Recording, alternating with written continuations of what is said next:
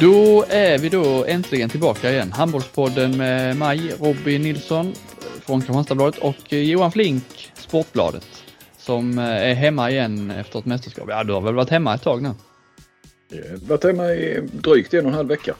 Mm. Ja, en och en halv vecka. Det blir ju ett eh, lite abrupt slut där eh, poddmässigt eh, från EM. Det är några som har reagerat på det och eh, det beror väl egentligen på mig. Eller det är mitt fel kan man säga. Jag ja, åkte på skidsemester där före ja. EM-finalen och så det blev liksom aldrig riktigt läge där kan man säga och trycka in en podd. Och, och Per åkte ju också ner till EM och ja, det blev liksom lite stökigare allting. Så kan man väl säga. Ja, det blev det. Eh, så att, äh, det kändes väl inte riktigt bra. Att, att det, ja. Och sen fick vi inte ihop någonting heller då ju direkt efter. Nej, men då var du ju på skidsemester ja. Och, ja. Och, och, Per, jag vet inte om han drog vidare. Jag tyckte det såg någonting på Instagram. Han verkar vara i solen igen så att. Eh, Cowboyhatt på, drink i hand. Per Johansson. Ja. ja. Men eh, nu är vi tillbaka och nu rullar vi på här mot eh, våren och eh, slutspel och Final Four och hela biten både för herrar och damer i den inhemska ligan. Eh, men vi kanske inte ska lämna EM helt ändå. Det, det, det finns ju fortfarande lite tycker jag kvar och liksom man kan nämna lite. Hur, eh, var vill du börja någonstans? Du eh, som ändå var på plats där och skötte bevakningen, folkhemsreportern eh, Flink som skötte eh, Folkhemsreportern, ja vad, vad, fick du det ifrån? Ja men vad känns som du är liksom eh, landsfadern när det gäller eh, handbollsbevakning på mästerskap? Ja, det är du, väl... du bygger Sverige. Ja, jag tar det som en, en, en komplimang. Eh, ja, tyvärr lite, ja men det är väl också för att jag är den enda kanske som är, är med i mästerskap efter mästerskap. Eh, så eh, i varje fall i skrivande mm. media. Men eh, ja, när vi är inne på den här mediabiten så kan vi väl ändå nu med, med lite så här facit i hand eh, konstatera eh, och vi, vi, är ju en gång i tiden var ju programförklaringen att vi, vi skulle väl vara Handbollspodden som satt på, på pressläktaren så att säga.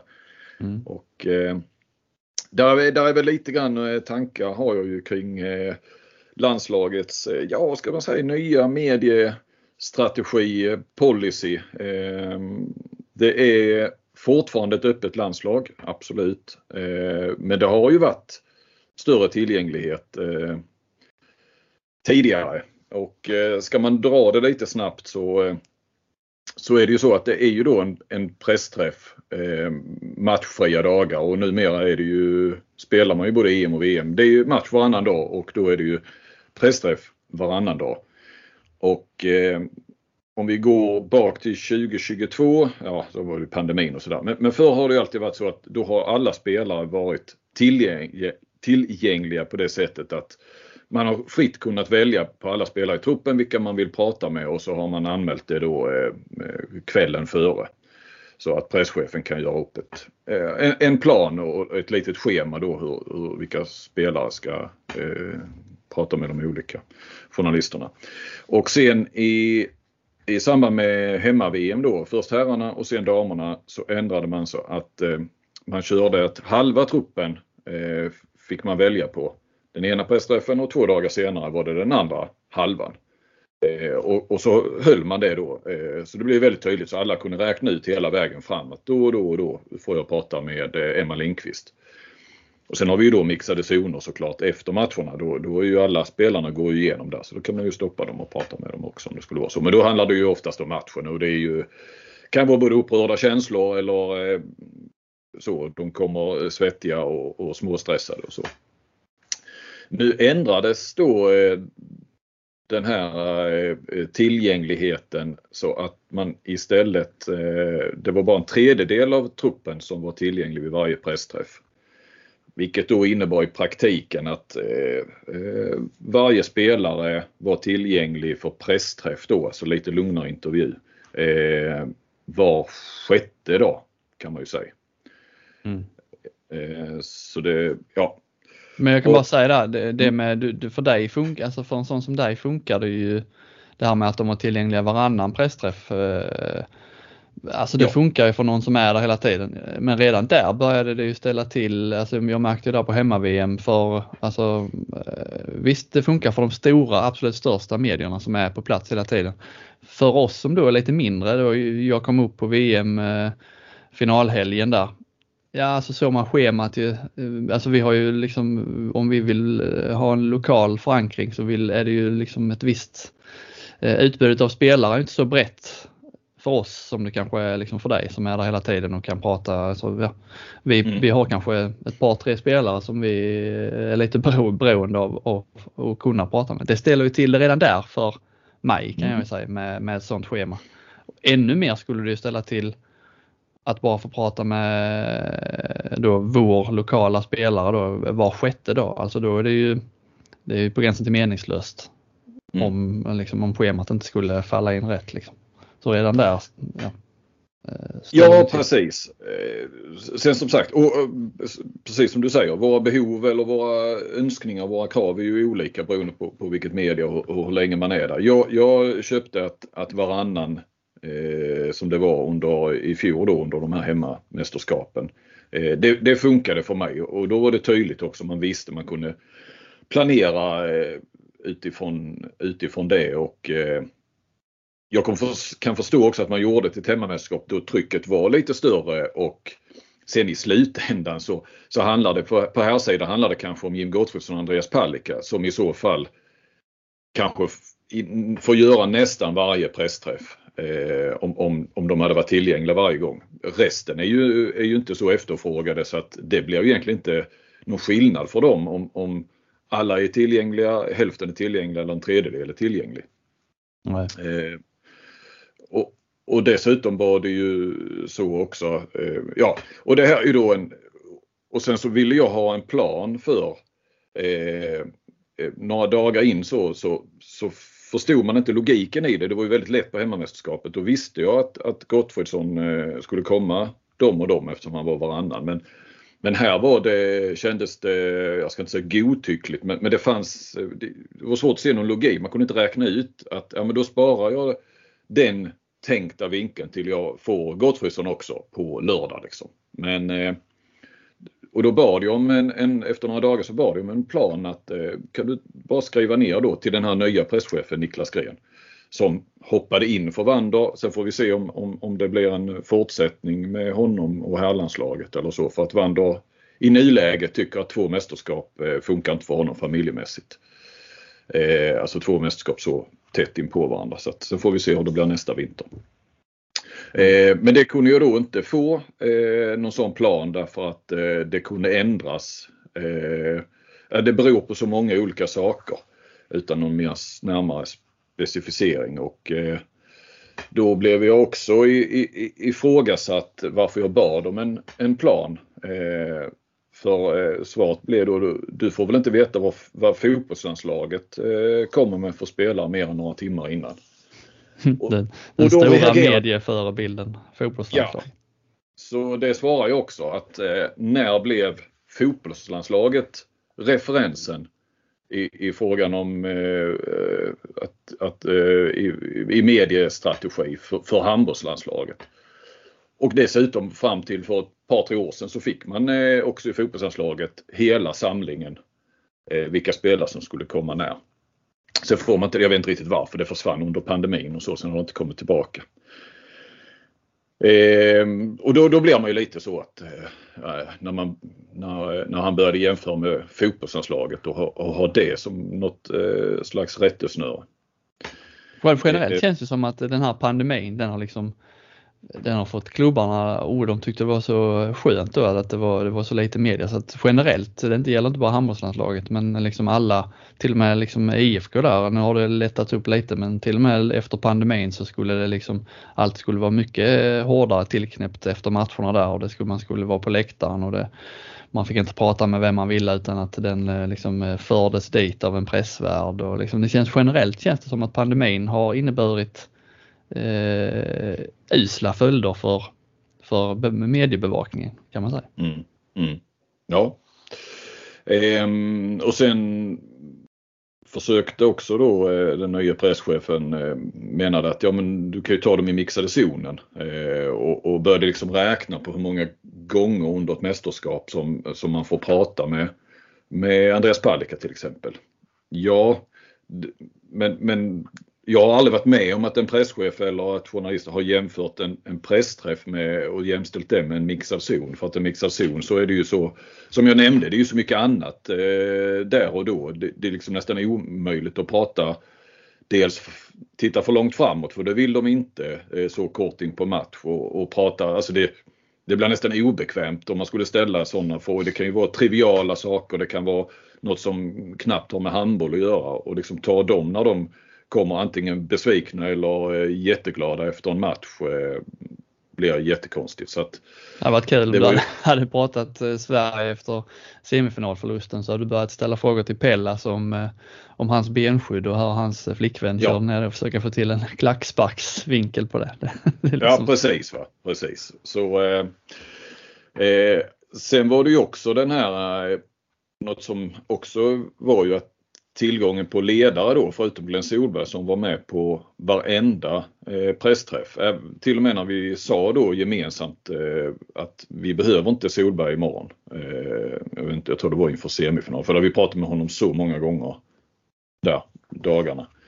Eh, ändå eh, så var han med på den. Men eh, medan man inte fick prata med med andra ledare på, på samma sätt eh, som man har fått gjort tidigare och som jag har gjort ganska mycket för att just först med Martin Bokvist och sen i, i, eh, på hemma-VM med Apelgren för att prata om motståndare och, och, eh, och, så därför att det ger så mycket mer därför att Solberg är inte så intresserad av det och prata om det i varje fall. Eh, prata om motståndare, hur de ska göra för att besegra motståndaren och, och sådär. Så att, eh, men det, det blev ju, eh, ja, jag, jag provade flera gånger och det var eh, eh, jag vill ha Thomas Svensson och Apelgren och fick svaret eh, någon gång inför en pressträff att eh, nej, de har annat imorgon och sen när vi väl var pressträff 45 minuter i lobbyn då stod Thomas Svensson med en, med en kopp kaffe och eh, pratade under hela pressträffen med Wislander och lite andra. Där var väl några norrmän och lite sådär. Och det kändes ju jäkligt konstigt när det hade varit liksom, nej, eh, blankt nej att eh, han, eh, han hade annat att göra. Och det hade han ju uppenbarligen inte. Om det nu inte är annat att göra var då att, att ta en kopp med, med Wislander. Men Wislander, han är ju också media där men han, det är ingen som vågar liksom Eh... Nej men alltså, ja men Wislander hade ju inte beställt Thomas Svensson. Alltså Thomas Svensson hade ingenting att göra så att han hängde lite där istället. Och det, det, är klart att han pratade där, det kunde vara med Ola Lindgren. Eh, för de är också med då, Ola och, och, och Wislander. Det blir inga intervjuer men de småsnackar och så. Och Wislander pratar ju alltid med Karlsbogård. Eh, även om Karlsbogård inte är med på pressträffen så snackar du ju de ändå. Och det, det har jag inga problem med. De har ju en gammal relation och så. så att, eh, Mm. Och det jag lite grann liksom det, det, jag menar, det här kan ju tyckas som så här, journalistgnäll och så. Eh, det är fortfarande så jag kunde fortfarande göra ett, ett, ett gott jobb där. Eh, vi är inte på fotbollslandslagets nivå eh, än så länge. Men, men, det är ändå att man vill ju liksom bromsa denna utvecklingen eh, som man nu ändå ser hur, hur det blir mindre och mindre tillgängligt. Eh, det kommer jag liksom alltid att se som min uppgift för att rätt vad det är så är vi nere på en nivå som, som gör det besvärligt på riktigt för, eh, för oss som bevakar det. Och jag tycker inte heller med tanke på hur mediehusen eh, sparar in och eh, väldigt få åker på mästerskapen. Sverige var ändå regerande eh, Europamästare. Eh, jag var e på genrepet i Ängelholm var jag ensam eh, journalist förutom eh, eh, Radiosporten. Per Karl och Magnus Wislander var där. Eh, men jag, satt, jag var helt själv i, i pressrummet och på pressläktaren och så. Där, där var inga andra skrivande journalister. Där var några fotografer också. Eh, och nere på EM, och det, det, har jag väl nämnt här, så, så eh, i, i Mannheim eh, första veckan så var jag det var bara jag som var skrivande och så var det Radiosporten då och eh, via Play. Sen kom TT till den sista matchen då och sen kom DN till Hamburg. Expressen var nere några dagar i Hamburg och åkte hem igen och kom direkt till semifinalen. Så de var ju bara med på två eller möjligtvis tre, tre pressträffar kanske. Mm. Då tycker jag ju att det är fel väg. Så då kanske man ändå ska vara ganska tillgänglig för de få som åker dit därför att annars så tycker ju våra chefer som har hand om pengarna att varför ska vi vara på plats när, när vi ändå inte får prata med dem. Ja, så framförallt varför ska vi vara på plats hela tiden? Ja. Om det ändå liksom, eh, om man ändå inte har någonting för det utan man kan lika gärna sitta hemma i början och sen eh, liksom åka ner eh, mellanrunda eller ännu längre än så liksom. Som många andra gör. Precis. Så kopplat till det också. Och sen kan man ju då jämföra till exempel med, med Danmark som har ju en otroligt mycket större mediebevakning. Eh, alltså jag skulle tippa på att de nog var fyra gånger så många som eh, svenska presskåren där nere och där är alla spelare tillgängliga varje pressträff, alltså varannan dag. Eh, det är också en eh, den approachen kan man ju, kan man ju också ha. Mm. Men jag läste ju på, eller jag, jag följde ju dig under, under EM och de andra som var där också, att det var, det var mycket eh, pressträffar på tåg. Alltså hur eh, funkar det? Eh, ja det gjorde det. Det var två stycken. Alltså när vi flyttade oss från eh, Mannheim, det inledande gruppspelet till mellanrundan i, i Hamburg och sen hade vi en när vi åkte från Hamburg till eh, Köln och eh, semifinal och final. Då, eh, ja men det fungerade bra. Då eh, körde vi det i kafévagnen. Eh, och, ja egentligen på, på samma sätt ju men eh, så att det var väl smidigt. Då fick ju både, och det var eh, ungefär den tiden vi åkte också där på förmiddagen som de hade sina ordinarie pressträffar annars på, på hotellet. Mm. Och eh, då eh, Eh, så, så, att det funkade bra. Då fick ju både spelarna gjorde ju undan det istället och, och, och vi också. Mm. Ja, nej, det man. Det, men har du liksom, är det någon klarhet var, varför är det så här? Vet man det? Alltså varför, har, varför har de, eh, är det bara en slump för att det är en ny presschef eller är det riktlinjer från förbundet? Nej, jag, ja, nej, jag när jag frågade, för det jag har ju tyckt att det har ju funnits ett system som alla har varit nöjda med. Inte minst hemmamästerskapen, då vet jag att spelarna var nöjda med att, att eh, man var tillgänglig, att halva truppen var tillgänglig istället för hela. Eh, och vi journalister tyckte också att eh, det funkade bra. Så att jag förstår inte varför det kändes ju som eh, att den nya presschefen kunde bara komma och liksom det var ju bara att fortsätta rida på den. Eh, det fanns ju en, en, ett bra system och eh, när jag frågade varför, varför ändra ett fungerande system som alla var nöjda med så, så fick jag bara svaret att, eh, att han var inte Daniel Wander. Det var väl liksom det stående svaret. Mm. Men det är inga liksom, signaler från spelarna och så inte att de Alltså de, det är inte så att de har liksom gnällt, att det är för mycket, det är för jobbigt för oss detta att eh, göra så många intervjuer. Utan eh, de verkar vara tillfreds. Ja, ja, ja, alltså när jag kollade vad, vad som hade sagts efter, eh, efter hemmamästerskapen så då var, tyckte spelarna de var väldigt nöjda med det. Sen vet jag att sen så spelare att, att de var nöjda med, med den här nya presschefen och sin sida. Så att det är möjligt att eh, de tycker att det är jobbigt att, eh, att göra media eh, och vara tillgängliga. Ja, vad var det då? Var, var fjärde dag för pressträff. Mm.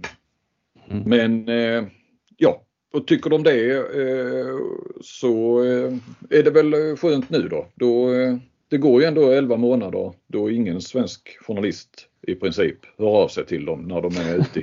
ja. Så, eh, så då är väl, eh, då gissar jag att eh, Ja, inte nu då för nu är det ju OS så att nu går det ju bara ett halvår då ju. Men, men, så det är möjligt så att, att de tycker att det, är, att det är jobbigt de här veckorna. Men mm, än en gång så är det ju en Jag tycker det är en liten farlig väg som, som handbollen i så fall är inne på när, när det egentligen det blir färre och färre journalister på plats. Eh, och samt, och, och, eh, för det är ju ändå de här veckorna som, som handbollen är som hetast i Sverige. Det är ju mm. det är väldigt tydligt. Man får ju inte med sig det här intresset sen in i, i, i, i uh, den inhemska handbollen utan uh, det är ett uh, jättestort intresse och det märker vi och det är ju därför man också Eh, cheferna fortfarande tycker att det är värt att man är på plats på ett helt mästerskap därför att eh, vi upplever att redan från början är, blir det ett, ett bra drag eh, kring, mm. kring landslaget. Ja men om, jag, jag tänkte komma vidare lite på just på publik och intresse efter i, i mästerskap sen men om vi ändå är där med liksom intresse så eh, jag vet ju via Play Eh, vad du har väl lyckats få fram lite siffror ja. där med och dansk, jämfört med danskarna och så och det, det, det, är väl svart på vitt att det är ett stort intresse när det är eh, mästerskap. Ja men så är det. Eh, det föranleddes ju av danska TV2 som sände EM, la ut eh, hur mycket tittare de hade haft. Eh, finalen då som ju Danmark var med i så hade de 1,75 miljoner eh, tittare och då räknar de då både linjär TV och eh, streamat. Eh, mm. deras semifinal låg på 1,53 eller 1,5 miljoner då och i snitt hade de danska matcherna 1,36 eh, miljoner, alltså 1 360 000 eh, tittare.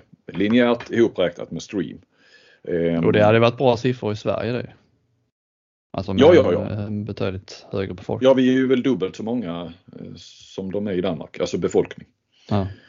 Eh, så jag kollade då med Viaplay för de har ju inte vad jag har sett kommunicerat på samma sätt. De, jag menar de la ut det på X då, danska TV2. Eh, nöjda och glada såklart.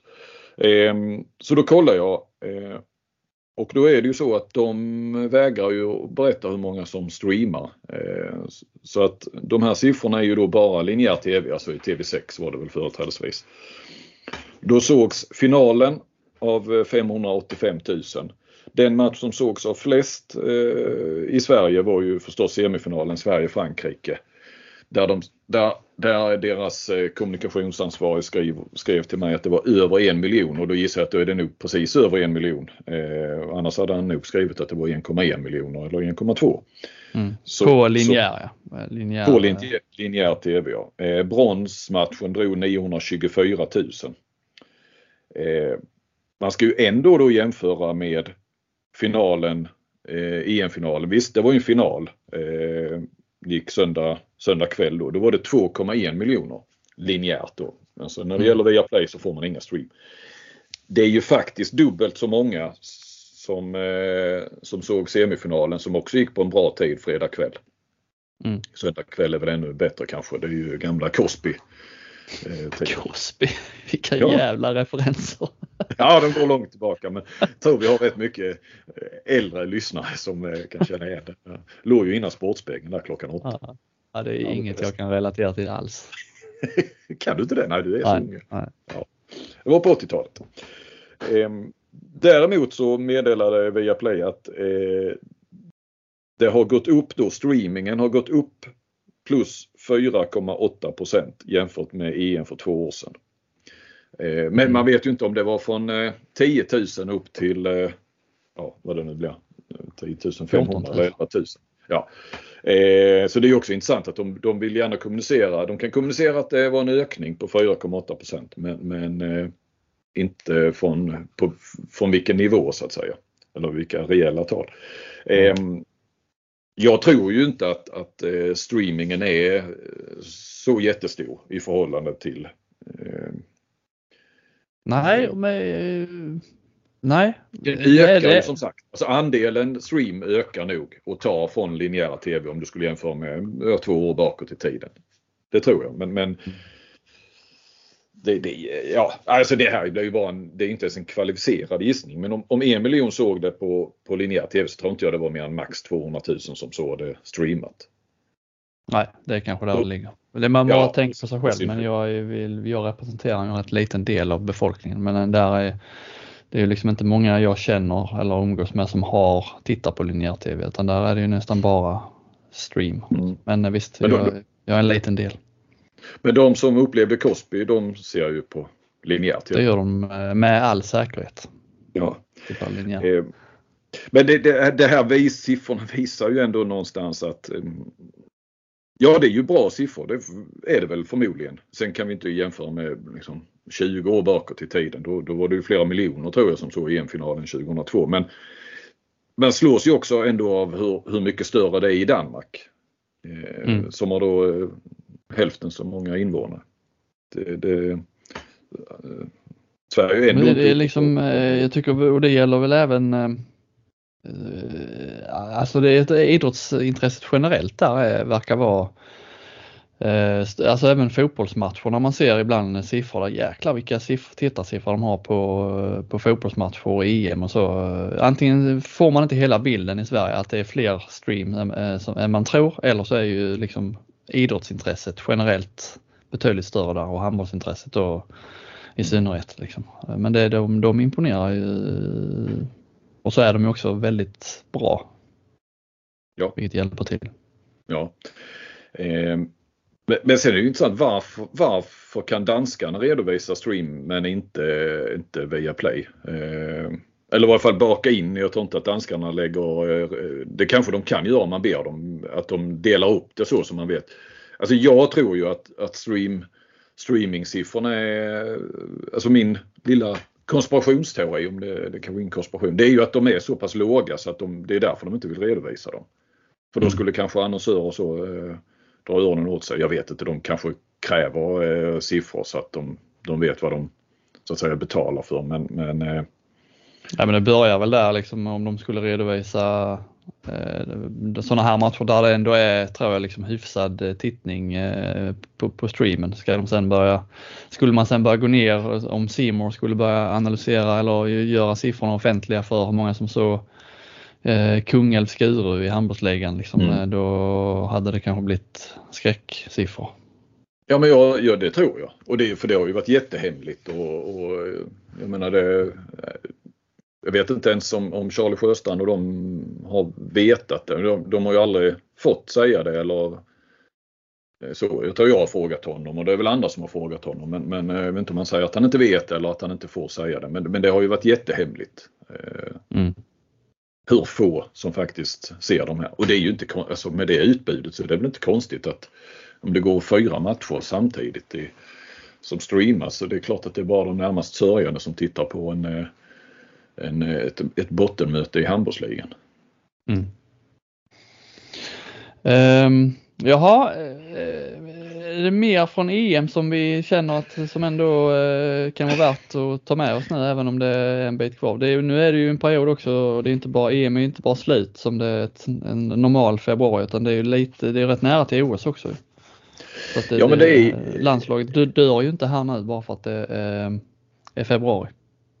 Nej det gör det inte även om nu om vi tittar på herrarna slapp ju OS-kvalet och det, det var ju Väldigt skönt såklart. Eh, jag, jag, något jag bara tänkt sådär som har blivit en, som man har sagt och hört lite så eh, efter EM är ju att det var nästan ett tronskifte mellan Gottfridsson och Klar. Eh, att att eh, det är inte Gottes landslag, nu är det Klars landslag. Jag skulle vilja säga att det kommer aldrig att bli Klars landslag därför att han är en helt annan vad ska man säga, inte bara spelartyp utan handbollstyp som han kommer aldrig att, att leda ett landslag på det viset som inte i närheten av det som, som Gottfridsson gör. För att han har inte de egenskaperna, jag tror inte han vill. Jag är den bästa av världar hade han kanske velat det men, men jag har pratat jättemånga gånger, mm, eller jättemånga, flertalet gånger med honom om just om så här med timeouter och så. Han säger ju att Ja, jag borde ju bli bättre på att leda dem om, om det är jag som, som är inne och spelar och så. Men vi får se. Jag har kanske inte det i mig. Han har väl liksom försökt jobba med det lite. Man kan inte göra våld på sig själv heller. Så därför att, att Klar liksom går om Gotte på plan och sådär. Men att börja prata om Klars landslag. Nej, även om Gottfridsson skulle sluta imorgon så kommer det inte att vara Klars landslag när det är OS. Det kommer, det kommer i, så fall, nu kommer Gottfridsson fortsätta ett, ett bra tag till men klarar ju yngre så han lär ju vara kvar längre och jag, det kommer vara någon annan som, som eh, liksom på något vis blir den antingen formella eller informella ledaren. Eh, jag tror inte att, att vi liksom försöker göra klar till, till eh, liksom den som ska bära landslaget på det viset. Han kan bära på sätt och vis laget på planen så som, som han gjorde i, i semifinalen var det väl kanske framförallt då, som han har gjort flera gånger. Men det är ju i hans sätt att spela, spela handboll. Mm. Han har ju inte den här liksom, strategiska, han är inte lika han har inte samma karisma och lyskraft. Han är inte intresserad, lika intresserad som eh, Gottfridsson av eh, att stå i centrum och prata och, och så. Så att, eh, jag tror bara vi ska och det är liksom inte, det säger jag inte för att liksom Ja men måste landslaget ha en, liksom, en sån tydlig profil eller en tydlig liksom, måste landslaget vara någons? Det kan, nej, väl, bara få, nej. Det kan väl bara få vara? Eh, absolut. Eh, jag menar damerna var väl lite Bella Guldéns landslag. Sen var hon ju inte alls någon Gottfridsson inåt som tog plats på taktiska möten och, och eh, hon var väl aldrig lagkapten heller tror jag. Eh, men, men utåt sett så var det ganska mycket. Men när hon försvann så, så var det så här, vem ska liksom ta över stafettpinnen? Ja men det blev ju Jamina Roberts eh, på, på ett ganska naturligt sätt. Sen är nog hon är inte heller den här eh, liksom, nu är hon ju lagkapten också men, men utåt så tycker inte jag att hon är den här ledartypen på det viset. Så, alltså, som vi har haft Mats Sundin, eh, Stefan Lögren är ju liksom kaptenernas kapten. Eh, mm, ja, på det viset. Så att, eh, nej, det behöver inte vara någon men, men jag tror inte, alltså, och sen slutar ju Palicka, kanske slutar före Gottfridsson. Och han har ju ändå varit kapten då och, och, och väldigt ja, men populär, det är ju den, vi hade ju en sån här omröstning, vem, vem är din favorit i handbollslandslaget? Och då vann Palicka överlägset. Det är klart att det kommer ju vara någon som, som vi i media ändå kommer att lyfta fram. Vi kommer säkert lyfta fram Klar om han fortsätter och till och med kanske höjer sig ännu mer och, och han kanske kommer att vara världens bästa spelare. Men jag tror inte han kommer som Karabatic i, i eh, Frankrike till exempel, alltså bära landslaget i varje fall utanför plan på något vis. Att, och det behöver inte vara någon som såklart, det behöver inte vara någons landslag, absolut inte. Eh, men, men det, det, det, kommer väl nu någon som man lyfter upp som, det är ju frågan vem de utser som kapten till exempel. Och så. Mm. Det vi kan slå fast i alla fall är väl att eh, lands, det kommer inte vara Andreas Nilssons landslag framöver. Det var det väl kanske inte nu heller. nej, och jag, nej, det var det ju inte. Eh, men man märker ju ändå när, när artiklar man skriver, hur mycket det läses och sådär att, att folk, och li, likadant i den här omröstningen, om han, han, jag kommer inte ihåg, han, han var ju topp 5 där ändå med tanke på lite han har spelat. Så han är ju, han är ju populär stycket i, i, ute i stugorna så att säga. Men, men eh, jag, jag tror ju att jag är rätt övertygad om att vi inte kommer att få se stycket i, i några fler mästerskap. Eh, för nu har det ju känts som att oj, nu är han tillbaka och, och, och, så. Ja, det var han ju. Men, men eh, det blev ju inte så mycket av det. Även om Solberg var, var väldigt nöjd och ville lyfta fram 7-6-spelet. Att man liksom tog fram det då mot eh, Tyskland i, i bronsmatchen. Visst, då, då fick han ju lite minuter men innan dess så spelade han ju knappt i matcher som gällde någonting överhuvudtaget. Så att, eh, och nu ja, det var, så det... en riktig pyspunka blev det ju, hela den eh, debatten. Eh, ja, men det var kändes ju... meningslöst på något sätt att, att han skulle ja, med. Ja, mycket stå hej för ingenting liksom. Mm. Eh, och nu kommer vi, står vi inför ett OS närmast. Eh, och då är det 14 spelare istället för 16 liksom i match. Ja, de åker till, de är till och med 18 på plats och så tar man ut 16 i matchtruppen till varje match och, och så. Och där kan du ju skifta då Eh, I OS så är det 14 spelare bara i truppen. Det där vet ju de som har varit med ett tag. Eh, och, du, och du har väl då två reserver, en, en utespelare och en målvakt. Men de får inte ens bo i OS-byn. De får ju komma in på gästpass och vara med och träna. Så de är ju de är bara med på träningar. De, jag tror knappt jag vet inte om de får äta med resten, alltså så, jag tror, om de får vara i OS-byn. Jag, jag, tror inte det.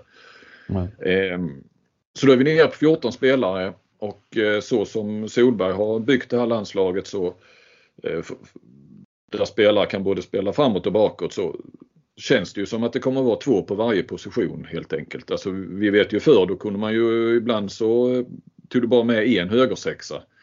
Eh, och så hade du istället med en, en försvarsspelare eller en tredje mittsexa kanske, så mer försvarsspelare eller så här allround. Eh, vi hade ju Eh, Filip Stenman var ju till exempel med i OS 2016 vill jag minnas. Och, eh, det har funnits lite så. Då, ska vi se, nej då var ju inte Ekberg med. Var det då var kanske Zachrisson ensam högersex? Ja, jag kommer inte ihåg riktigt. Men inte har du, då har du inte utrymme för att ha med en, en uh, special team-spelare som, som stycket. Uh, nej. Nej, och sen samtidigt så, ja precis, han ska hem till Sverige och liksom eh, karriären eh, går in på sluttampen. Eh, Felix Möller står och stampar. Så att, eh, ja, eh, så att eh, om vi går ett år framåt till nästa liksom, normala mästerskap så, så eh, har jag ju mycket svårt att se att, att stycket skulle göra fler landskamper. Liksom. Ja, ja verkligen. Men OS-truppen då? Den är väl, där finns väl ing, finns det någonting att diskutera med den? Den är väl i princip klar redan nu? Ja, jag håller med dig. Det, det, jag menar målvakterna det är Palicka och Thulin och alltså om vi då tänker två på varje position för det vill man ju helst vara. Man vill ju inte bara ha en, en högersexa eller en vänstersexa med. Så, så om vi utgår då från EM-truppen så var det så, så ryker väl då eh, stycket eh, Edvardsson på mittnio åker bara med två där klar och, och eh, Gottfridsson. Och sen på vänstersex så eh, rycker väl Wallinius och så är det Karlsborgård och Erik Johansson där. Ja, vänsternio menar Eller vänsternio ja. Och högernio Lagergren och, och Sandell. Eh, nej, så vi kan nog... Eh, vi kan det är väl liksom, för det, ja, för det är väl liksom om man tittar på EM, frågan är väl var det någon som spelar sig ur en trupp där? Nej, det var det väl inte, men, men eh, om det finns liksom något litet korn så är det väl ändå att Erik Johansson inte var så bra som man tänkte eller trodde Nej. att han skulle vara. Så det, om man ska, nu tror jag att han kommer komma med, men det är väl, är det någonstans det kanske blir en förändring eller kan möjligtvis bli så är det väl där, tror jag. Men då får ju no, Då måste det vara någon som var, ja liksom vem är det i så fall? Är det Wallenius? Mm. Ja, nej men han får ju inte, jag menar han spelar ju inte, jag såg Kiel Magdeborg igår eller så i efterhand här. Eh, han spelar inte en minut, inte vad jag såg. Nej men det gjorde han inte, då hade jag nog noterat det. Erik Johansson däremot spelade eh, mycket. Eh, så, så att i så fall får det ju komma någon underifrån skulle jag säga. För jag menar vi såg ju förtroendet för Wallenius. I, i, han var ju en special teams spelare här också. Som, han spelar väl nästan mindre än vad stycket gjorde. Mm. Eh, nu också när de har börjat, dels Karlsbogård som kändes bättre framåt än på, på flera mästerskap och sen då eh, när han kör med både Klar och Gottfridsson. Då, då är ju Wallinius, eh, vad blir det, en, två, tre, ja, fjärde valet egentligen. Så att, eh, Ja, och komma någon underifrån, helt osannolikt. Eh, det skulle, även om, ja, vem skulle det vara? Och ja, men om... Kommer inte Lukas Nilsson med nu, med Nej. den form han har visat, så kommer han ju inte komma med till ett OS. Eh, dessutom frågetecken ändå. Visst, han spelar bakåt en del, men, men det är ju fortfarande inte hans starka sida skulle jag vilja påstå, kontra de andra som, som finns där. Eh, ja, vadå, ja, nej, Jonathan Svensson eller nej, jag Nej, vi har många fina vänsternior men, men eh, i Solbergs värld har jag ju svårt att se att, att det skulle vara några andra än, Karlsborg och Erik Johansson. Mm. Han, var, han var bra i 6-5-spelet, Johansson. Alltså så bra har inte Sverige sett ut i, i det momentet på ja, många år egentligen. Det mest, eh, det enklaste 6-5-spelet jag någonsin sett. Alltså ja. oerhört eh, statiskt och Lättläst ja. borde det vara men det funkar hela tiden. Så att, eh. Ja, du måste ju göra något val som eh, när du är en man mindre. Så. Det minst krångliga 6-5-spelet jag ja. ja, det var faktiskt fascinerande att det funkade så, så mycket som det gjorde. Ja. En pass, hoppa upp i luften och sen är det löst. Ja, och han kör ju det, han har ju samma roll i Kiel och de gör ju, ja vad jag kan se med mina lekmanögon, samma, alltså det är samma grej där. Men här nu mot Magdeburg drog han ut rätt många, eller många, ett par stycken i alla fall i andra halvlek direkt ut till Ekberg på högersex. Den såg vi väl inte så mycket i, i. Eh, i EM. Kommer du att ta med dig det till Sund? När ni ska träna 6-5-spel? ja. ja, vi har ju eh, vi har något liknande faktiskt. Ja, klart, den är nästan, eh, ja, den är nästan kopierad. Fast det är inte av mig, det, det, det är andra tränare som sköter det taktiska nu. Ja, just det, du sköter bara det administrativa. Exakt.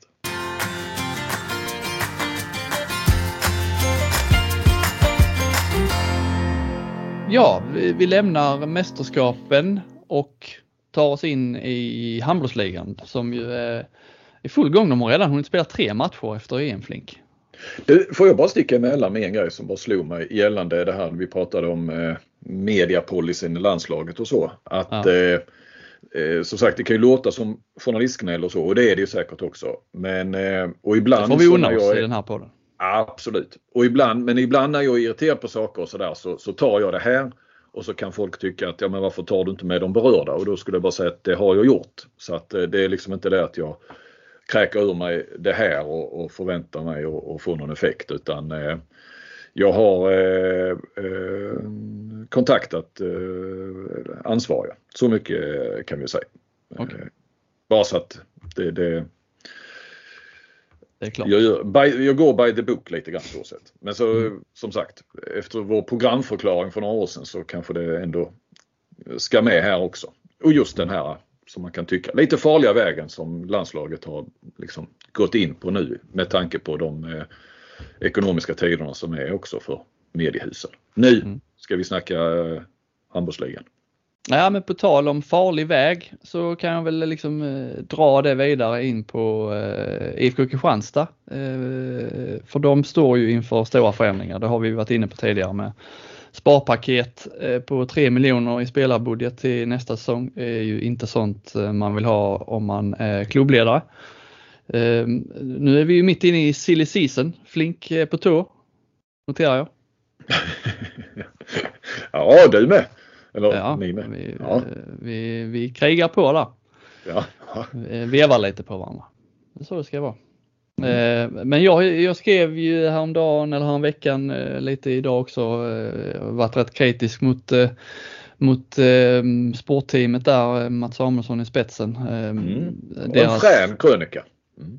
Ja, och det har blivit rätt mycket reaktioner på den eh, första där i alla fall. Eh, eh, om deras liksom strategi och taktik framåt. Egentligen skulle man kunna säga att det, det som är nu är ju en, ett, en situation med, eller ett system där, där styrelsen då i Kristianstad har i praktiken lämnat över allt ekonomiskt ansvar eh, på klubbchefen Henrik Fröberg och allt sportsligt ansvar på det ideellt arbetande sportteamet.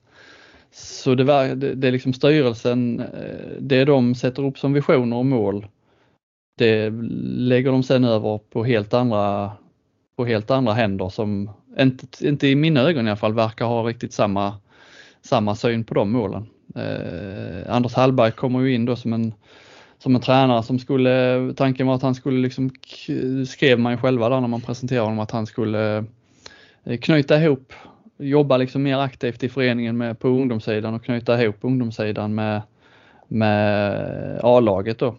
Så man, liksom, man, man, det har man väl inte lyckats med, tycker man inte själva heller att, eh, att de har gjort eh, någon gång under de här framgångsåren egentligen. Eh, Eh, men så då blev det liksom aktuellt där med Axel Månsson eh, är ju klar så vitt både du och jag vet och förstår. Ja, jag har inte skrivit att han är klar så. Att, att var nära skrev jag och sen har ju ni eh, tagit vid där och, och kanske... Ja men så vitt jag förstår så är han eh, klar. Ja, eh, Okej. Okay. Vet vi när det ska presenteras? Nej och det, det är lite det, det kan man väl komma in på liksom. Jag tror ju att han kommer presenteras samtidigt som det presenteras att eh, Isak Larsson kommer att stanna i Karlskrona. Att det är liksom det man vill ha något S i rockärmen där eh, och lägga fram när det står klart att Isak då äh, lämnar. Det är lite så det de, som... de kör inte det här, vill du ha de goda nyheterna först eller de dåliga? Ah, vi kör båda samtidigt. Ja men då kommer det en dålig nyhet och så passar man på att liksom släta över det lite med en bra nyhet. Precis. Uh, Som i sig, det hänger ju ihop ju. För hade inte Axel Månsson kommit så hade väl Isak Larsson kommit hem.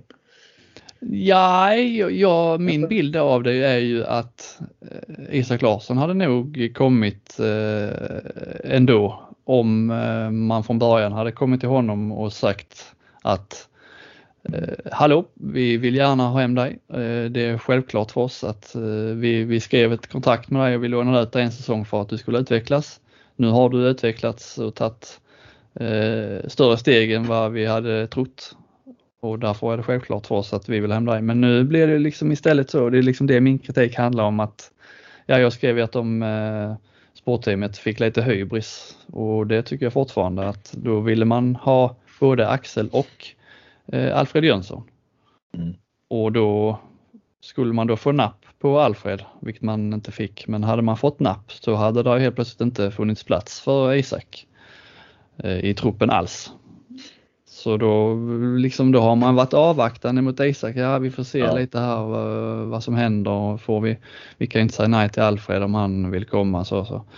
så att eh, det är min eh, bild och jag är ganska säker på att jag har eh, liksom på fötterna där att det är så det har gått till. Och då går det ju liksom att förstå lite att ja, men ni vill, vill ju liksom inte ha mig.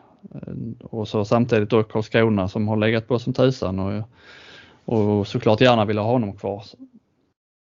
Så då går det ju att förstå på ett annat sätt att ja, men då kanske man stannar kvar i den klubben när man vet att man får speltid och där man vet att de verkligen vill satsa på dig. Liksom.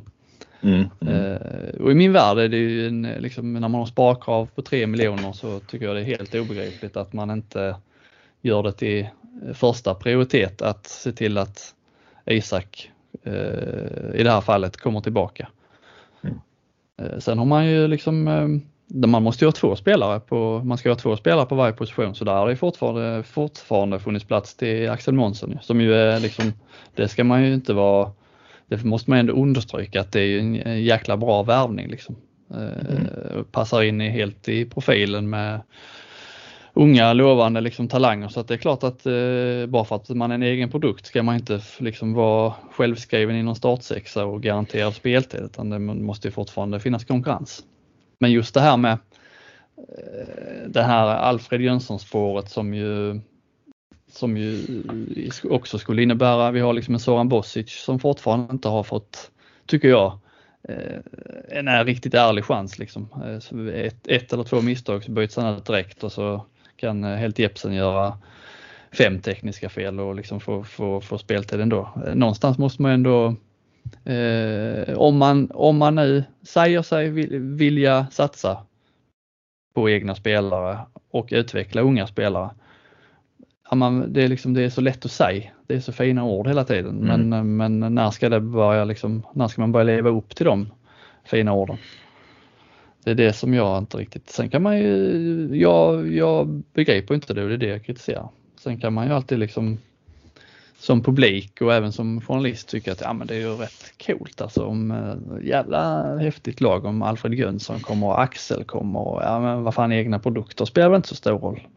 Man ska vara tillräckligt bra för att spela i, i, i Kristianstad. Eh, den bilden kan man ju köpa. Eh, men i det här fallet så är det ju det är liksom ingen sop sopspelare vi pratar om med Isak Larsson. Han har ju varit eh, liksom nu när han har fått spela mer sen Trum, eh, Trum där blev skadad i Karlskrona så eh, det är, liksom, det är ju en bra spelare.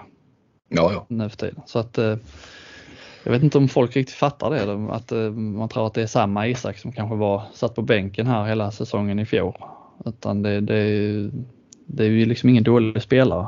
Och det är ett, tycker jag, ett underbetyg till en förening som Kristianstad att man eh, misslyckas med att få hem en sån egen produkt. Som dessutom har pappan i ledarstaben. Ja.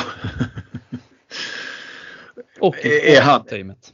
Ja, han är med i sportteamet också. Eller ja, jag, nu var det lite, jag pratade med Stian där igår, nu var det, verkar vara lite oklart om de, om han och om Stian och Uffe fortfarande är med i sportteamet så jag vet faktiskt inte riktigt om det de... Det kanske är Samuelsson själv som är sportteamet nu va? Ja, det är min bild av det att han är ju egentligen både ordförande, sportchef och delvis klubbchef. Ja.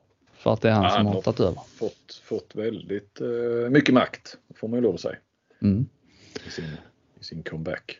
Man ska vara försiktig med vad man önskar sig för, för eh, ett eh, halvår sedan, ett år sedan så så var väl jag en av dem som förespråkade ja, det hade varit kanon om Samuelsson hade kommit tillbaka. Och det, det, liksom, det kan, kan det fortfarande bli. De kan få ihop ett jättebra lag. Men, men till, liksom, till vilket pris eller till vilken eh, nytta egentligen? Om man ska bygga ett lag som på Ola Lindgren-tiden Alltså om det är den strategin man vill ha och det säger man sig delvis vilja ha liksom eh, med utländska stjärnskott och egna talanger blandat med rutinerade etablerade eh, spelare.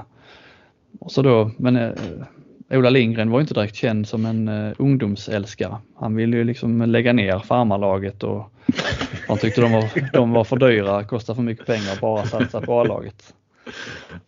Nu har man liksom ändå tagit in Anders Hallberg här med det liksom eh, specifika eh, uttalandet att vi ska knyta ihop föreningen och ungdomar och hela, hela den biten.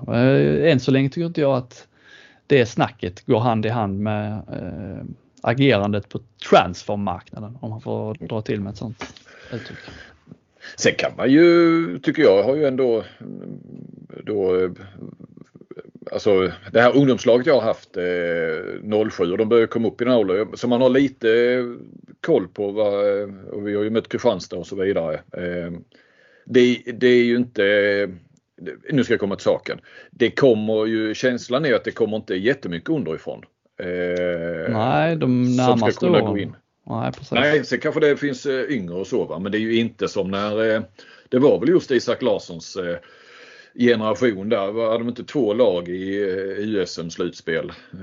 Ja, det är väl den sista riktiga liksom starka. Sen har de haft ja, några där innan. De är ändå 21 år nu. Ja, ja, ja och innan ja. det så fanns det säkert också. Men sen har det inte kommit så mycket. så att det är ju ett verkligt, visst nu är det Hallberg och det är treårsvision och sådär va men, men jag vet inte hur många alltså spelare som skulle kunna gå in i, i A-truppen som kommer underifrån de närmaste tre åren. Eh, så det är ju inte så att, eh, som det trots allt är i Ystad, Lugi, Sävehof.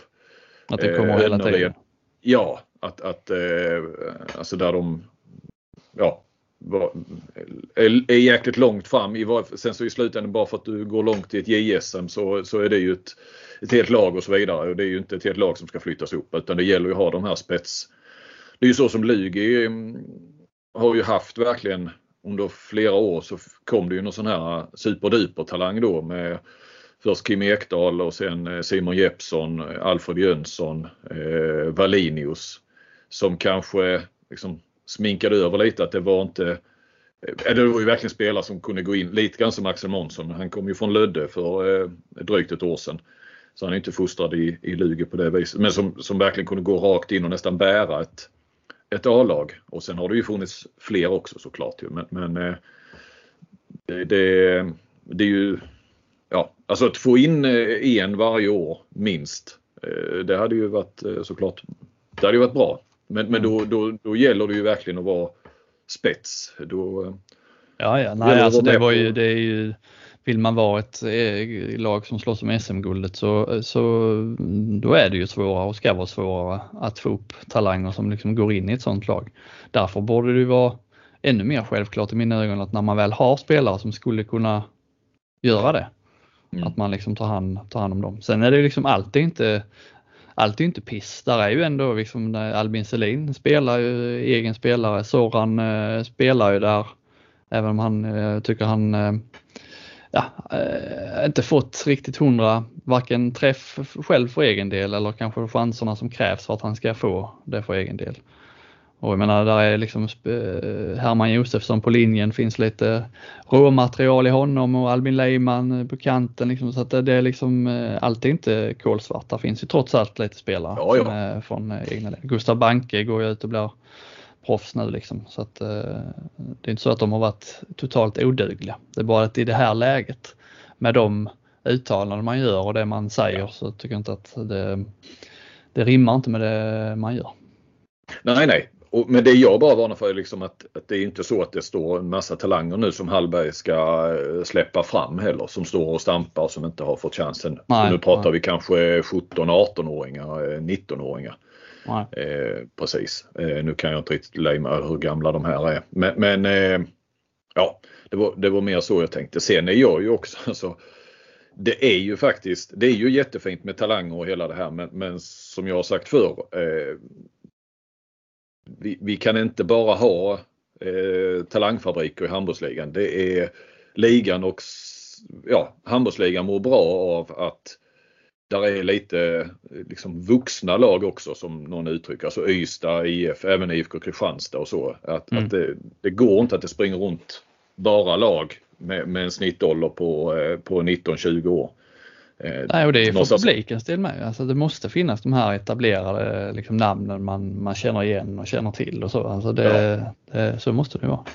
Ja men också, alltså alla kan ju inte gå samma väg heller. Det är ju än en gång, man det har jag sagt förr här också. Vi, man kunde garva åt eh, HK Malmös eh, liksom, gubbasatsning med, med Soran Hoganovic med flera. Men de gjorde åtminstone någonting annat. De var säkert tvingade att göra det för de hade ju inte mycket ungdomsverksamhet överhuvudtaget. Men, men det är ändå ja men AMO kör sin grej. Det, det är ganska befriande eh, mm. på så vis när de ekonomiska resurserna finns såklart. Ju. Eh, och det börjar bli ett problem som vi har sett ju att eh, det är tufft med ekonomin och då går vi ännu mer åt det här. Eh, ja, det är billigast att satsa på egna talanger.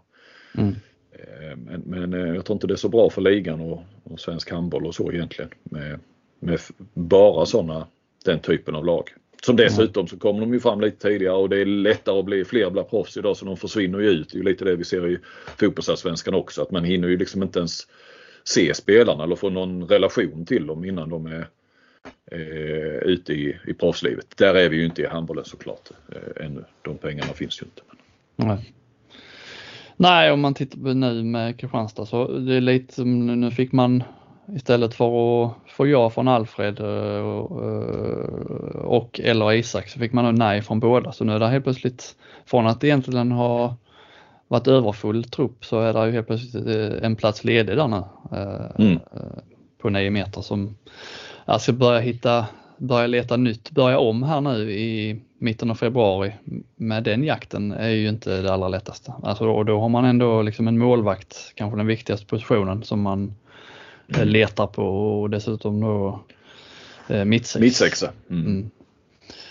Det är kanske Hallbäck, han var ju bra igår på, eh, eller på, i onsdags när ni lyssnade på detta. Han spelar lite mittnia så att det är kanske en eh, budgetlösning skulle jag kanske inte kalla det för han har nog eh, rätt så bra lön. Men eh, eh en smidig ja, Det är billigare än att ta, ta in en till i varje fall. Ja. Så det kanske det, det är väl inte helt eh, dumt heller den, den tanken. Då kan man ha honom både som, eh, som eh, andra val på mittnio och bakom Axel då och andra val på högersex bakom Selin. Och han går ju aldrig, är ju aldrig skadad heller så att på så sätt är det ju en perfekt spelare. För IFK vill ju satsa på, de har ju Cederholm på högernio och sen vill de ju satsa på den här yngre då Bil Nilsen, eller vad heter han? Ja, Isak Bil Nilsen. Ja, så det ska vi också säga. Alltså då, därför att annars är ju Hallbäck högernia egentligen. Mm. Um, det var det om det. Jag har en annan, eh, jag skulle vilja föra samtal, ta vid lite där med publik och EM, eh, liksom intresset eh, i handbollsligan efter EM också. Jag har en take. Mm. Är det mm. okej? Okay? Det, det, det, har ju, ja på sociala medier kan man väl säga, ja under hösten eh, debatterats lite om eh, liksom publiksiffrorna i handbollsligan och intresset och vad har, vad har handbollsligan Play gjort för handbollsintresset och rätt kritiskt där. Ekmark på Skånesport har ju vevat på friskt. Eh, Klas Klasse så jag skrev en krönika på Twitterprofilen, eh, skrev en krönika i ämnet. Sen han eh, Mattias Nord är väl ordförande Handbollsförbundet Väst. Ja. Ja. Har också skrivit mycket om det med liksom publiksiffror, vad som krävs för att få publiken till hallarna. Eh, och jag, ja, jag har läst dem och hela tiden tänkt att ja visst, publiksnittet stiger inte om man jämför med de senaste åren men eh, liksom om man tittar historiskt så är det ju ändå, det är inte så att det är någon publikkris direkt. Det beror på vad man har för förväntningar. Liksom. Vill man att snittet ska vara 2000 per match så är det ju liksom, då är det dåligt nu men sett, sett historiskt så är det ju liksom eh, helt okej. Okay. Jag har liksom tänkt ja. att nej, men det här är väl liksom, det är ju ingen, ingen stor kris. Varför är det så himla mycket snack om det? Ändå så, så skickar handbollsligan jag vet inte om du såg det eller fick det pressmeddelandet, mm. det fick du väl med efter första omgången där efter EM. Något slags märkligt pressmeddelande med eh, publiks, publikintresset håller i sig efter EM. Där man ja. då liksom plockar ut publiksiffrorna från en enskild omgång. Och, och så konstaterar då att ja men det är jävla stort intresse. Det var eh, över, över snittet. Ja men det beror på vilka som har hemmamatcher. Och, ja, alltså det, Hammarby hade väl hemmamatch och Kristianstad hade, hemma, hade hemmamatch. Ja. Alltså det, är ju, det, ger ja, inte, det ger inte någonting att dra några slutsatser eh, från en omgång. Men var det inte ett, ett, ett liksom de att, att handbollsligan tänkte att eh, nu måste vi göra någonting här, eh, liksom fånga upp intresset eh, från EM. Ett framgångsrikt svenskt EM och, och, och överhuvudtaget liksom. Det eh, var ju ett häftigt EM på alla sätt. Och så skulle de ja, liksom ha någon knorr på det eller och så det här klassiska då i PR-sammanhang att, att ja, vi måste lyfta någonting.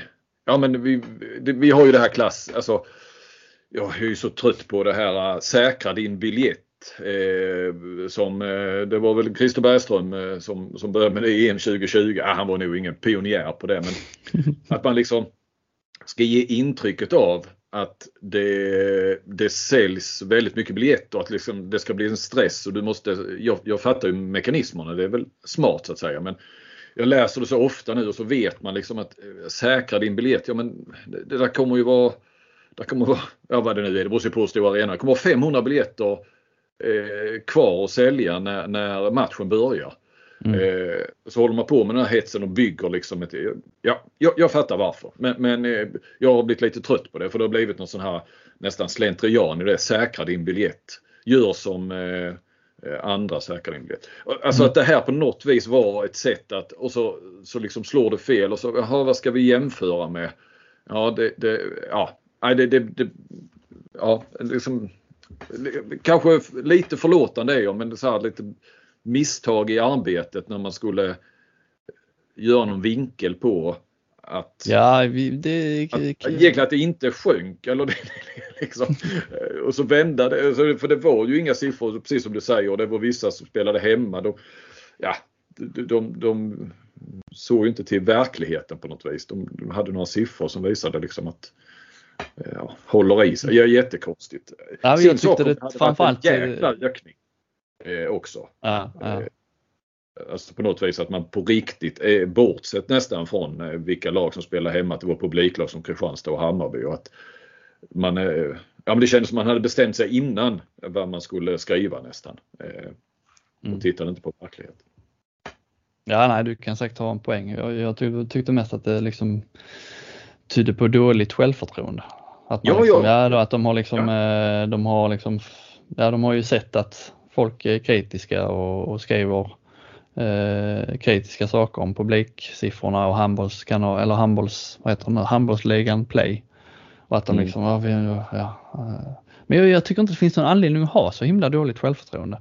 Nej, nej, alltså, nej. men jag, jag, tror också det, jag tror du har helt rätt i det med, med självförtroende. Absolut, och det, det går väl liksom inte båda våra perspektiv kan väl eh, funka ja. på samma, mm. samma, sak så att säga. Men, men eh, ja, nej, nej. Eh, får titta vi, vad ligger det på? Jag skrev, jag letar efter de här siffrorna nu. För jag bara... ja, nu, just nu ligger snittet på 12,88. Det är ju mer än i fjol. Men annars då det lägsta sen 08-09. Ja, men det går att förklara ganska enkelt. Vad har hänt sedan 08-09? Var, liksom att snittet eh, det drogs upp eh, mellan åren 13 till 19 var ju snittet uppe i över 1400, över 1500 vissa år och det råkar ju sammanfalla då med eh, att Kristianstad fick ju sin enorma hype här med liksom mm. 5000 i snitt. Det är klart att det mm. drar ju upp de totala siffrorna rätt, rätt rejält. Och det som har hänt nu, ja nu har Kristianstad tappat efter pandemin, vilket ju har ju dragit ner siffrorna liksom till inte historiskt, eh, alltså det är inte historiskt dåliga, det är historiskt normala siffror eh, nu igen ja. kan man säga. Och de har men, egentligen liksom, mm. Men, men det man, man, skulle kunna sticka in där är ju trots allt att vi, vi har ju inte poolspelet längre. Så om man i slutet på varje säsong skulle räkna totala siffran så måste det ju varit betydligt många fler ändå som gick när, när man spelade ytterligare igen. Vad blir det? En, ja, fler antal åskådare menar du? Ja, Alltså ja. Eh, eh, snittet är ju det vi ska jämföra, det, det, det fattar jag. Men, men eh, det var ju också fler matcher. Så att, vilket man då kunde säga, ja men då, då det, det är ju bättre att dra 1300 i snitt när du, ska, när du spelar Ja, nu kan jag inte, åka inte. Alltså hur många matcher fler det var. Det var ju rätt många matcher totalt sett. Ja, fyra fler tror jag Ja, per lag då ja. Ja, ja. ja men det är ju ändå 40, det är ju 50 matcher till ju. Mm. Ja, det blir svårt med huvudräkning. Ja, ja, men eh, vi säger det. Mm. 4 gånger 14 är väl nästan... Eh, ja, men du, eh, ja visst, men sen spelar ju... nästan 60. Ja, ja, nej Men men sen är du det möter två varandra. som möter varandra. Ja, 30 matcher till då. Ja, Det är bättre att hålla ett snitt på, på 1300 på 30 matcher, än, alltså 30 matcher till än, än de vi spelar. ja, ja. Absolut. Vi är ju inga mattegenier. Men, men eh, det kan man ju också ta med sig. Men annars så är det ju inte, nej det är ju inga stora tapp här. Alltså det, ja 1288 är lite men jag tror ju, var, låg det inte på 1400 i fjol eller? Eh, I fjol landade på eh, 1267 jaha. Fan, det, och sen eh, ja, i grundserien kan jag ha sett med slutspelet då? Slutspelet Ja. höjdes det lite för då var det ju 2,5 i snitt. Ja, det var kanske någon sån sammanlagd siffra jag såg då. Ja. Men om man tar liksom grundserien där, sen var det ju pandemin, eh, de går inte att jämföra, men eh, sen eh, före pandemin låg det där 13-20 och sen gick vi upp där när Kristianstad vann de åren 1400, 1500, 1500, 1400, 1500. Det var liksom det, men går man sen tillbaka där innan Kristianstad var uppe så ja 1260 där, 08, 09, vi kan gå tillbaka. För mycket av den här debatten har handlat om varför kan vi inte varför kan vi inte liksom eh, få träff på landslagets framgångar? Varför kan inte det avspegla sig i den inhemska ligan? Men, det du- gjorde du man kan- inte under Bengan Boys heller ju. Nej, det men vet nej, nej, vi skulle komma till det. Om man går tillbaka Ja. till liksom Bengan Boys glansdagar där. Säg, ja, mm, om vi tar mellan 90 och 99 till att börja med. Där har jag faktiskt satt eh, Daniel Sirensjö i arbete så han har lyckats ta fram de snitten Aha. för de säsongerna. Eh, mellan åren eh, 90 till eh, 96 var det bara ett enda år där man var över 1000 i snitt. Och sen 96, 97, 1007, 97, 98, 1050 i snitt, 98, 99, 1017. Alltså man låg där på precis över 1000. 01, 02 var man under 1000 igen. Så det, det är liksom, man får ändå säga, man kan inte förvänta sig några stordåd men sen, sen millennieskiftet så har ju ändå publiksnittet ökat med liksom 500 åskådare typ.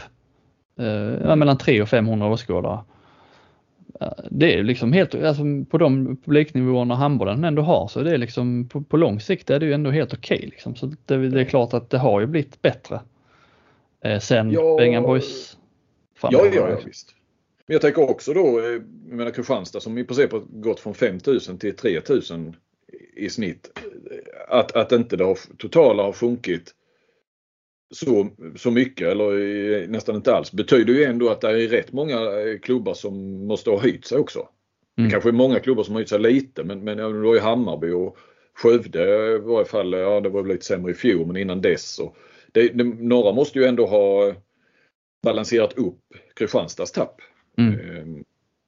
Så- Ja, delvis liksom. För nu är det ju nere på 1200 när Kristianstad var som bäst så var det ju 1500 så att man ser ju ändå ett litet tapp. Sen, Ja, ja, jo som allra bäst 1500. Jag, jag, ja, jag kanske trodde att det skilde 100 i snitt. Nu, nu, eh, men du sa 1280 eller någonting. Mm. Det är ändå nästan 1300 då om vi ska. Så, så det är ju inte, det är inte 300 i snitt som det skiljer. Så att, eh, Nej. Nej, men och, det- och det, det som har diskuterats är ju liksom, eh, ja vad måste bli bättre? Arenorna, liksom själva upplevelsen. Det ska inte bara vara handboll. Eh, eller det ska inte bara vara sport om man tittar på hockey och för, alltså det ska vara hela helhetsupplevelsen. Folk som går dit av, hela, av olika anledningar. Vissa vill se, gå dit för att se matchen, punkt slut. Vissa går dit för att och ta en öl och snacka skit. Vissa går dit för att äta middag och dricka vin. Alltså det finns alla typer. Ungarna går dit för att springa i korridorerna och, och skjuta själva. Skiter fullständigt i, i matchen. Liksom.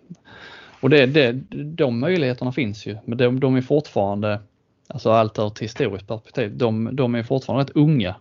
De flesta arenorna, liksom, eh, föreningarna. Ja, liksom Kristianstad, vad är den? Den är 10 år nu och de, de, de har väl lyckats liksom eh, bra med det men eh, all, alla har liksom inte kommit in i det. Och det nej, nej, alltså potentialen är ju stor och det är väl eh, liksom, jag tror att det var Mattias Nord då i, i, i förbundet Väst där som han skrev väl där, om det var på deras hemsida någonting. eh, Han hade ju en bra alltså hur man måste jobba. Alltså det finns ju potential, man får inte slå sig till ro. Och, och, och vara nöjd med detta för det, det, finns ju verkligen och det finns väl alltid ett hot också att, att man tappar om man inte jobbar jäkligt hårt med det. För det, det jobbas ju ändå på sina håll och det är ju mycket bättre arenor idag med, på, på det viset så att... Eh, men, ja men, men liksom eh, potentialen finns och det nuvarande snittet är ju inte så dåligt att det eh, liksom är någon kris tycker jag. Nej. Eh, som i Kristianstad, eh, där många, man hör mycket klagomål där liksom att eh, evenemanget är för dåligt, att det är därför inte det är lika mycket publik längre. Men min bild är ju egentligen att evenemanget är inte sämre än under liksom glansdagarna. Tvärtom Nej. kan jag tycka de kanske till och med bättre ibland eller åtminstone lika bra. Liksom. Mm. Men att man att man lyckades komma upp i de siffrorna då, det var ju liksom eh, egentligen ett, alltså en osannolik mix av allt. Ja. Som det goda som hände samtidigt med liksom man, framgångar på planen, förbundskapten som blev tränare helt plötsligt. Eh, fler började hitta till arenan och när fler börjar hitta dit så drar det ju folk drar folk. Eh, mm. och tillsammans, det, det skapades ju liksom en hype som inte, sådana hypar vet man ju att det lever ju liksom inte för evigt. Och nej, när framgångarna liksom, ja nu har de uteblivit. Nu vann de i fjol men uh, åren innan där så, ja då, då dör ju hypen och en pandemi där mitt i allt hjälper inte, hjälper inte den att hålla sig vid liv. Liksom. Det, jag skulle säga det, det som på ett sätt är, jag vet inte om det är imponerande eller om, om det inte är imponerande, men det, att man har 3000 som, det är mer normal, en mm. normal siffra som speglar intresset. Liksom. Eh, utan, utan hype. Sen kan man ju absolut eh, nå den hypen igen och försöka hålla kvar ännu fler så att snittet kanske landar på 3 och 5 eller 4 när det är mm. normala dagar. Men sånt tar ju, sånt tar ju liksom tid. Och liksom få det. Du ser Hammarby nu, liksom, där, det är ingen arena. Det är inga, där är inga sidoaktiviteter, inga loger i, i, i den bemärkelsen där, det handlar liksom inte bara om arenor. Där, varför, går, varför har Hammarby så bra publik? Ja, dels för att det finns ett stort underlag men framförallt för att det har gått bra sportsligt.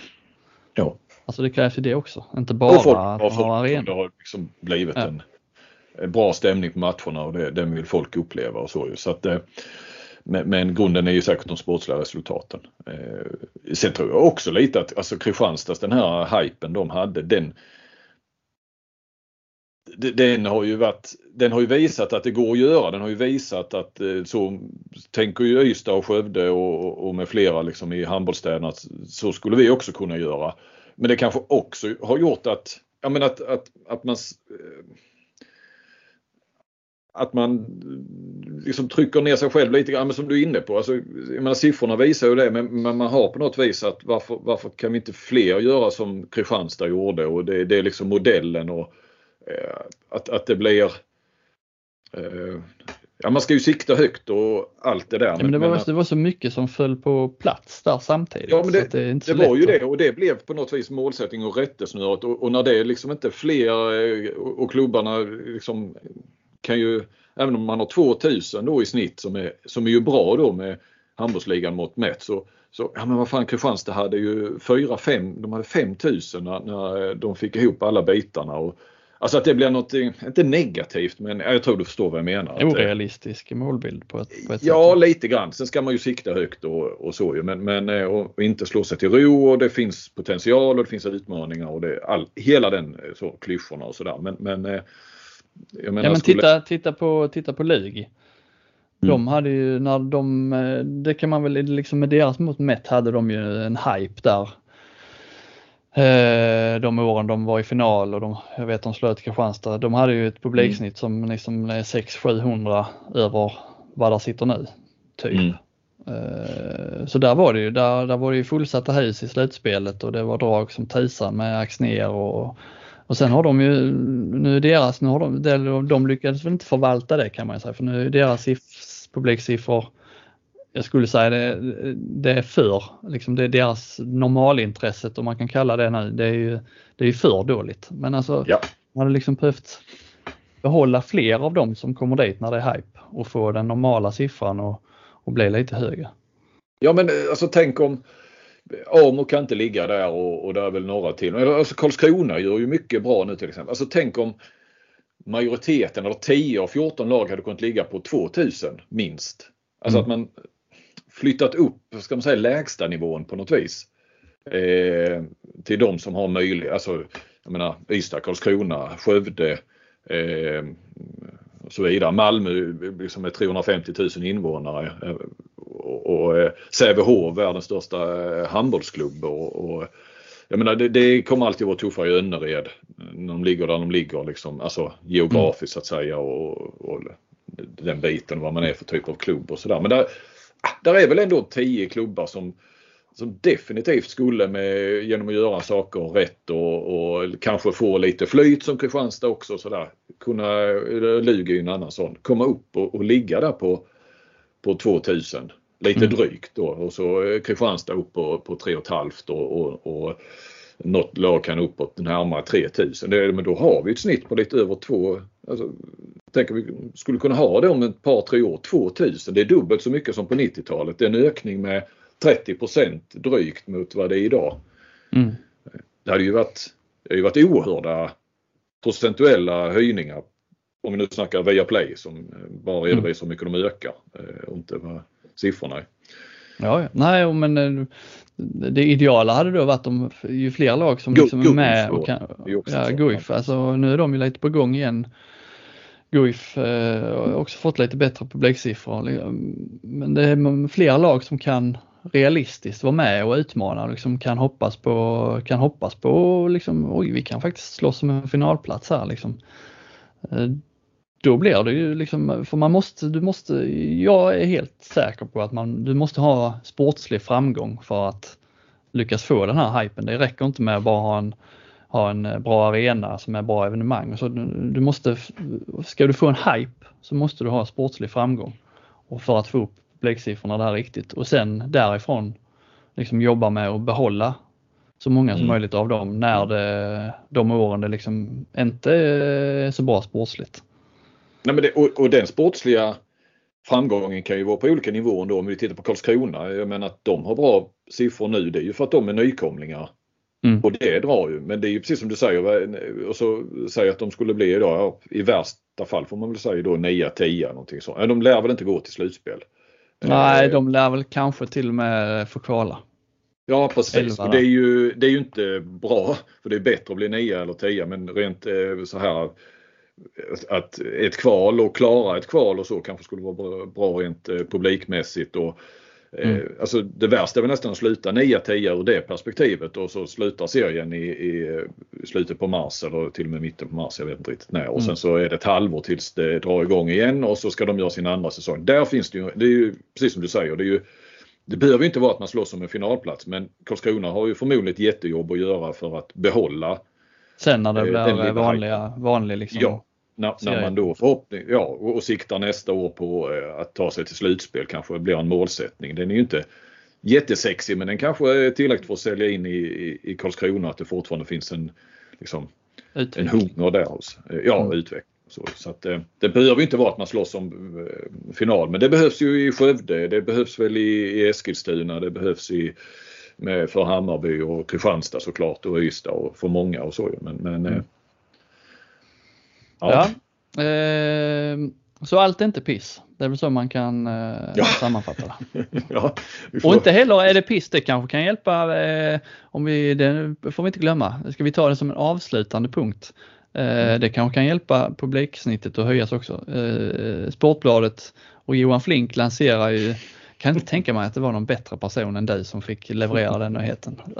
Jag satt och det var mitt i matchen där, Kristianstad-Alingsås, så jag satt och började fnissa för mig själv att Flink får lansera en ny statistiktjänst. Det är liksom, ja. ja det, det, är så, det är helt perfekt. vad, är, vad är det det handlar om?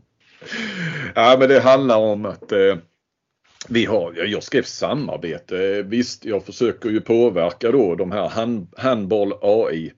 Aldrig hört eh, talas om det. Nej, jag fick höra det via en, en, eh, en, en vad ska man säga, klubbpamp höll på sig, eller sportchef i förra våren. Eh, som väl, om jag hade än en gång kräkt ur mig någonting kring bristfälliga statistiken så, så sa han men du det, det här handboll AI använder vi oss av. Och, och, och sen har jag förstått att det är ihopkopplat, kanske inte från den här, från det var till den här säsongen med, med sidelines. Så att alla klubbar har liksom tillgång till, till det nu, i varje fall denna säsongen. Men eh, de hade väl, så att eh, vi har köpt in denna för rätt så dyra pengar då. Jag fick eh, cheferna till att, och satsa på detta. Och sen av olika anledningar så, så har det dröjt långt in på säsongen innan vi har, eh, ja, dels innan vi fick tillgång till, det var en massa grejer och sen kom det två mästerskap och så vidare. Så att nu hoppas jag kunna använda mig mer av det. Så att eh, det är ju en satsning som, som Sportbladet har gjort. Eh, som, där de då har, eh, de har ju mästerskap, alltså statistikmästerskap, eh, Bundesliga och Champions League och så vidare. Men, men det, är väldigt, det är väldigt dyrt det här och eh, så det var liksom inte frågan om att eh, jag hade ju gärna velat ha lite Bundesliga och, och mästerskap och sånt här också. Men vi fick hålla oss till svenska dam och, och herrligan. Eh, Vad är det för, för statistik då? För att få fram mer statistik. För att handbollen är ju per definition, eller säga, väldigt statistikvänlig i den strukturen som spelet är uppbyggt och, och sådär. Det finns ju massor egentligen. Och det där har vi ju pratat om. Rådatan finns även eh, på, på handbollsligan.se men det är ju presentationen och, och, och den som är ja, undermålig och det där med, med de röda och gröna plupparna och, som man inte begriper. Och du får, ska du, ingen hjälp att sammanställa mer än ja, du har de här tabellerna över mål, assist, eh, tekniska fel, räddningar, mm. utvisningar. Det är ju liksom, eh, det är ju så basic då. Ehm, nej, så nu har vi gjort denna satsningen och jag försökte väl ta ett helhetsgrepp och plocka ut eh, lite grann men eh, sen så ska jag erkänna att eh, det finns brister i handboll AI. Jag har försökt påverka dem och försökt få dem att, skulle ni inte, ni sitter ju liksom på rådatan än en gång, skulle ni inte kunna sammanställa det mycket bättre. Eh, sådär. Jag eh, liksom fick ju sitta med penna och papper och göra liksom, egna, plocka ut från de olika lagsidorna och så vidare. Så att det, det är, inte, det är mycket bättre än eh, handbollsligan.se men, men eh, eh, Ja, det kan irritera mig ändå när, när eh, den här rådatan finns och att nu är den ju också väldigt inriktad på, på, på lag och klubbar och hjälp till tränare och så vidare och, och klubbar och lag än, än, än media, journalister. Så att, Eh, Lite irritation finns det kvar trots den här stora Ja, ja, ja, ja, men det finns det. För jag ser sådana. Ja, ja, det, jag, jag kommer alltid vara irriterad på det. Det, det ligger nog i min natur. Jag för, det är några krig jag för här. Det, det är möjlig, tillgängligheten av landslaget och så vidare, mediepolicy där och så är det statistik. Man, man, eh, man får välja sina strider här i livet. Ja. Men eh, jag, jag hoppas och tror, jag har fått lite gensvar från och faktiskt en, en eh, ligatränare eh, som hörde av sig igår, igår kväll och tyckte att, eh, det, att, det blev, att det var intressant att läsa mm. så kan man kanske hjälpa till med det och sådär. Eller hjälpa till med det, det, kan, det är inte min uppgift men det är väl kul om, om det kan bidra där också. Att, för det gäller att göra det här eh, överskådligt och lite attraktivt att läsa och så. Och där finns ju faktiskt lite. Man, man, eh, det är rätt mycket siffror men man kan ju ändå hitta en, en hel del för den som, eh, som vill. Det är ju intressant att eh, eh, ett exempel ändå, kontringar. Eh, och sen är det ju ständiga på hur definierar då de här? Det är ju spanjorer och tyskar tror jag som eh, och de skiljer på fast break och counter goal och jag har liksom hållit på att mejla. Vad menar ni med vad och sådär. Men då mm. till slut har kommit fram till och bollat med även en, en, några svenska tränare som ändå har tillgång till detta också. Att, ja, men, Fast break är kontringar och counter goal är ja, på upp, eh, snabba avkast egentligen. För counter goal mm. är när man har släppt in mål men sen liksom kontrar på det då. Så att säga. Eh, Sävehof alltså har då 152 kontringar mot 64 för Malmö så här långt. Det är ändå intressant. Tre gånger så mycket och hur mycket, mycket mer eh, IFK Kristianstad skjuter från 9 meter jämfört med Hammarby till exempel. Det säger ju en del. Alltså,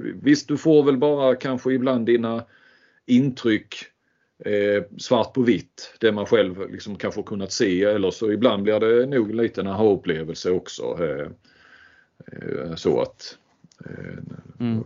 man kan bli lite förvånad och så. Så att ja. Mm.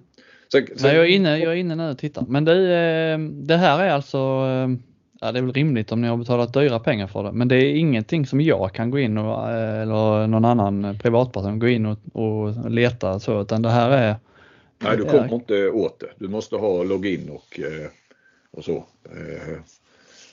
Ja, bara betalningsförfarandet gjorde att det drog, drog ut några veckor i höstas så att det blev för tätt in på mästerskapet. För det var, ja jag vet inte, vår, vår liksom, ja, ja, det har ju inte med det här att göra. Så att, eh. ja, då får vi, vi får helt enkelt eh, det, eh, sätta vårt hopp till dig då att du eh, presenterar de siffrorna som eh, är intressanta. Ja, jag ja. försöker hitta det som är. Sen har jag hittat brister där jag känner att ja, men det här stämmer inte riktigt. Alltså deras sätt att räkna. Eh, till exempel effektivitet på kontringar då eh, som var otroligt låg. Jag bollade med, med en tränare också. Så, eh, jag menar tittar du på ett mästerskap så, så ser du eh, ja, kontringar hur många som blir mål och så då en, en eh, ja, procentsiffra på det. Och, och, då är det ju när man har kommit till ett avslut. Men här måste de ju även räkna att alltså en kontring som motståndaren stoppar så man får frikast och sen får man få, liksom, fortsätta anfallet. Ja, det verkar ju räknas som ett misslyckad kontring då. Alltså det blir mm. väldigt, ja, jag vet inte om ni hänger med, men, men det blev otroligt låga effektivitetstal och det känner jag bara att det, det, är liksom i en, så som vi räknar i Sverige och det man är van vid att räkna med eh, är ju inte Eh, Nej, ja, då, då, då, det, det sätter ju bara grillor i huvudet liksom. Det, mm. det, Ja men det, det, det framförallt ser ju, eh, det du la ut där, det är ju liksom speltiden har jag reagerat på. Det hade jag verkligen, mm. den, bara den hade jag varit beredd att betala rätt dyra pengar på. Alltså få, få speltiden på hur, hur mycket, alltså som man får på mästerskap och jag tror i Bundesliga kan mm. du väl också se det tror jag. Alltså hur mycket spelar, hur mycket speltid har eh, Soran Bosic fått eller Emil Frände Öfors eh, mm. på, på en säsong. Och, alltså för det är, det är så jäkla mycket man kan få ut av det. Alltså, när jag, hur, mycket, liksom, hur många mål och assist gör en spelare baserat på hur mycket han får spela. Alltså det, det är ju liksom, eh, det, det är ju direkt avgörande. Liksom. Ja, ja visst. Det de också har då som är också så här man märker att det är inriktat till, eh, till tränare och så, det är ju att du kan ju från varje match få ut otroligt mycket statistik. Eh, men, det hjälper ju inte mig när jag, jag är ju intresserad av eh, den ackumulerade så att säga under säsongen och det. Det är ju det som blir intressant, inte enstaka. Likadant du kan jämföra två lag till exempel. Mm. Väldigt detaljerat. Eh, och det kan ju säkert vara jättebra eh, att gå alltså när du ska förbereda ditt eget lag eller då motståndare och, och så inför en match. Och, och, du, kan, du har ändå dina 16 spelare och du kan grotta ner dig i dem. Men, men eh, det är inte så intressant för min del eh, på det viset. Därför den enda som jag hade med denna gång individuella statistiken egentligen det var ju faktiskt bara det här med speltid och det. Mm. Eh, ja, ja. Där, finns, där finns mer. Där finns mer. Men det är lite också hur mycket tid jag kan lägga på att själv sammanställa de här olika. Eh, mm. Intressant hur som helst. Eh, mm.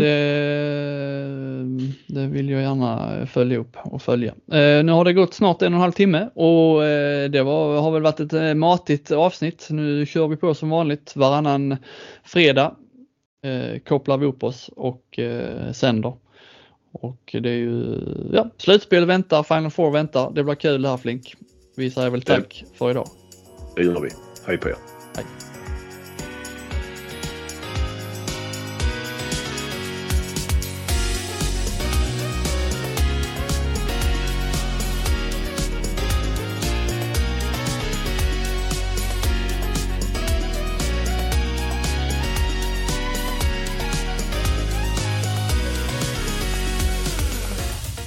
Lyssnat på en podcast från Aftonbladet.